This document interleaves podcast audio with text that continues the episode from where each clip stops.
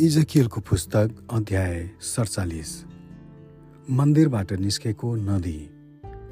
तब ती मानिसले मलाई फर्काएर मन्दिरको प्रवेशद्वारमा ल्याए र मैले मन्दिरको सङ्घारको मुनतिर पानी आइरहेको र पूर्वतिर बगिरहेको देखेँ किनभने मन्दिर पूर्वतिर फर्केको थियो।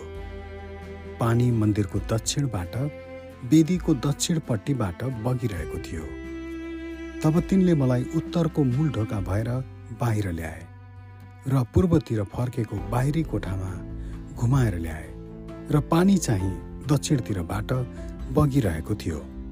जब ती मानिस एउटा नाप्ने टाँगो हातमा लिएर पूर्वतिर गए तब तिनले एक हजार हात नापे र गोलीगाँठासम्म गहिरो पानीबाट मलाई हिँड्न लगाए। तिनले अरू एक हजार हात नापे र मलाई घुँडासम्मको पानीबाट हिँड्न लगाए। तिनले अरू एक हजार हात नापे र मलाई कम्मरसम्मको पानीबाट हिँड्न लगाए। तब तिनले अरू एक हजार हात नापे तर अब त्यो तर्न नसकिने नदी भयो। किनभने पानी बढेको थियो र त्यो पौडन सक्ने गहिरो भएको थियो। वार पार गर्न नसकिने त्यो एउटा नदी भएको थियो। तिनले मलाई सोधे ए मानिसको छोरो के त यो देख्दैछस्? तब तिनले मलाई फेरि त्यस नदीको किनारमा लगे। जब म त्यहाँ आइपुगेँ तब मैले नदीका दुवैतिर धेरै रुखहरू देखेँ। तिनले मलाई भने यो पानी पूर्वको इलाकातिर बग्छ र त्यहाँदेखि तल अबारामा जान्छ जहाँ यो खारा समुद्रमा पस्छ। जब त्यो खारा समुद्रमा निरित्तिन्छ तब त्यहाँको पानी ताजा बनिन्छ। त्यो नदी बगेको ठाउँमा थुप्रै जीवित प्राणीहरू बस्नेछन्। त्यहाँ अनगिन्ती माछा हुनेछन्। किनभने त्यो पानी त्यहाँ बग्छ र नुनिलो पानीलाई ताजा बनाइदिन्छ। यसैले जहाँ त्यो नदी बग्छ त्यहाँ जे सुकै पनि बाँच्नेछ। त्यसका किनारै किनार जालहरीहरू उभिनेछन्। एन गदीले देखि एन एग्लमिमसम्म जालहरू फिजाउने ठाउँहरू हुनेछन्। त्यहाँ किसिम किसिमका माछाहरू हुनेछन्। महासमुद्रका माछाहरू जस्तै। तर त्यसका सिमसार र दलदले ठाउँहरूका पानी ताजा हुने छैनन् तर ती नुनिलो नै रहनेछन्। नदीका दुवै किनारामा अनेक किसिमका फलफुलका रुखहरू उम्रनेछन्। तिनीहरूका पात ओइल्याउने छैनन्। तिनीहरूका फलहरू कहिल्यै शेष हुने छैनन्। तिनीहरूले हरेक महिना नै फल दिनेछन्। किनभने पवित्र स्थानदेखि तिनीहरूमा पानी बग्छ। तिनीहरूका फल खानाको निम्ति र तिनीहरूका पात चाहिँ आरोग्यको लागि हुनेछन्। देशका सिमाना। परमप्रभु परमेश्वर यसो भन्नुहुन्छ इजरायलका बाह्र कुलका उत्तराधिकारको लागि तिमीहरूले देश विभाजन गर्दा सिमाना चाहिँ यी हुनेछन्। योसेफको लागि दुई भाग तिमीहरूले यो तिनीहरूका बीचमा बराबर विभाजन गर्नु।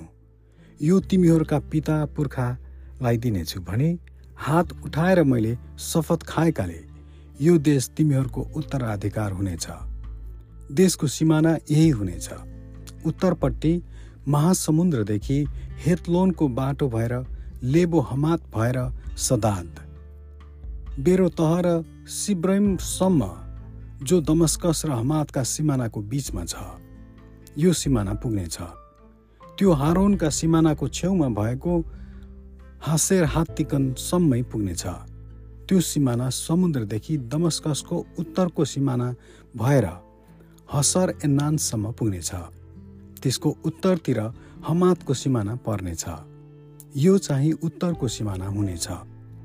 पूर्वपट्टिको सिमाना चाहिँ हौरान र दमस्कसको बीचमा गिलाददेखि इजरायल देशसम्मको एर्दन नदीको छेउछाउ भएर पूर्वीय समुद्र र तामारसम्मै टाढा हुनेछ। यो चाहिँ पूर्वको सिमाना हुनेछ। दक्षिणपट्टिको सिमाना चाहिँ तामारदेखि मेरिबा कादेशका पानीहरूसम्मै तब मिश्रको खोलाका छेउछेउ भएर महासमुद्रसम्मै पुग्नेछ। यो चाहिँ दक्षिणको सिमाना हुनेछ। पश्चिमपट्टिको सिमाना चाहिँ महासमुद्र हुनेछ। लेबो हमातका विपरीतको किनारसम्म यो चाहिँ पश्चिमको सिमाना हुनेछ। यो देश तिमीहरूले आफ्ना बीचमा इजरायलका कुल कुल अनुसार बाँडिदिनु। तिमीहरूले यो देश एउटा उत्तराधिकारको रूपमा आफ्नै निम्ति र तिमीहरूसँग बसोबास गर्ने छोराछोरी भएका विदेशीहरूका निम्ति पनि भाग भाग गरिदिनु।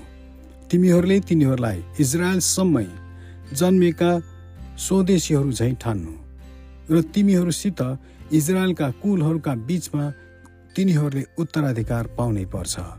विदेशीलाई जुनसुकै कुलसित त्यो बस्छ त्यसैसित तिमीहरूको तिमीहरूले त्यसको उत्तराधिकार दिनुपर्छ। परमप्रभु परमेश्वर भन्नुहुन्छ।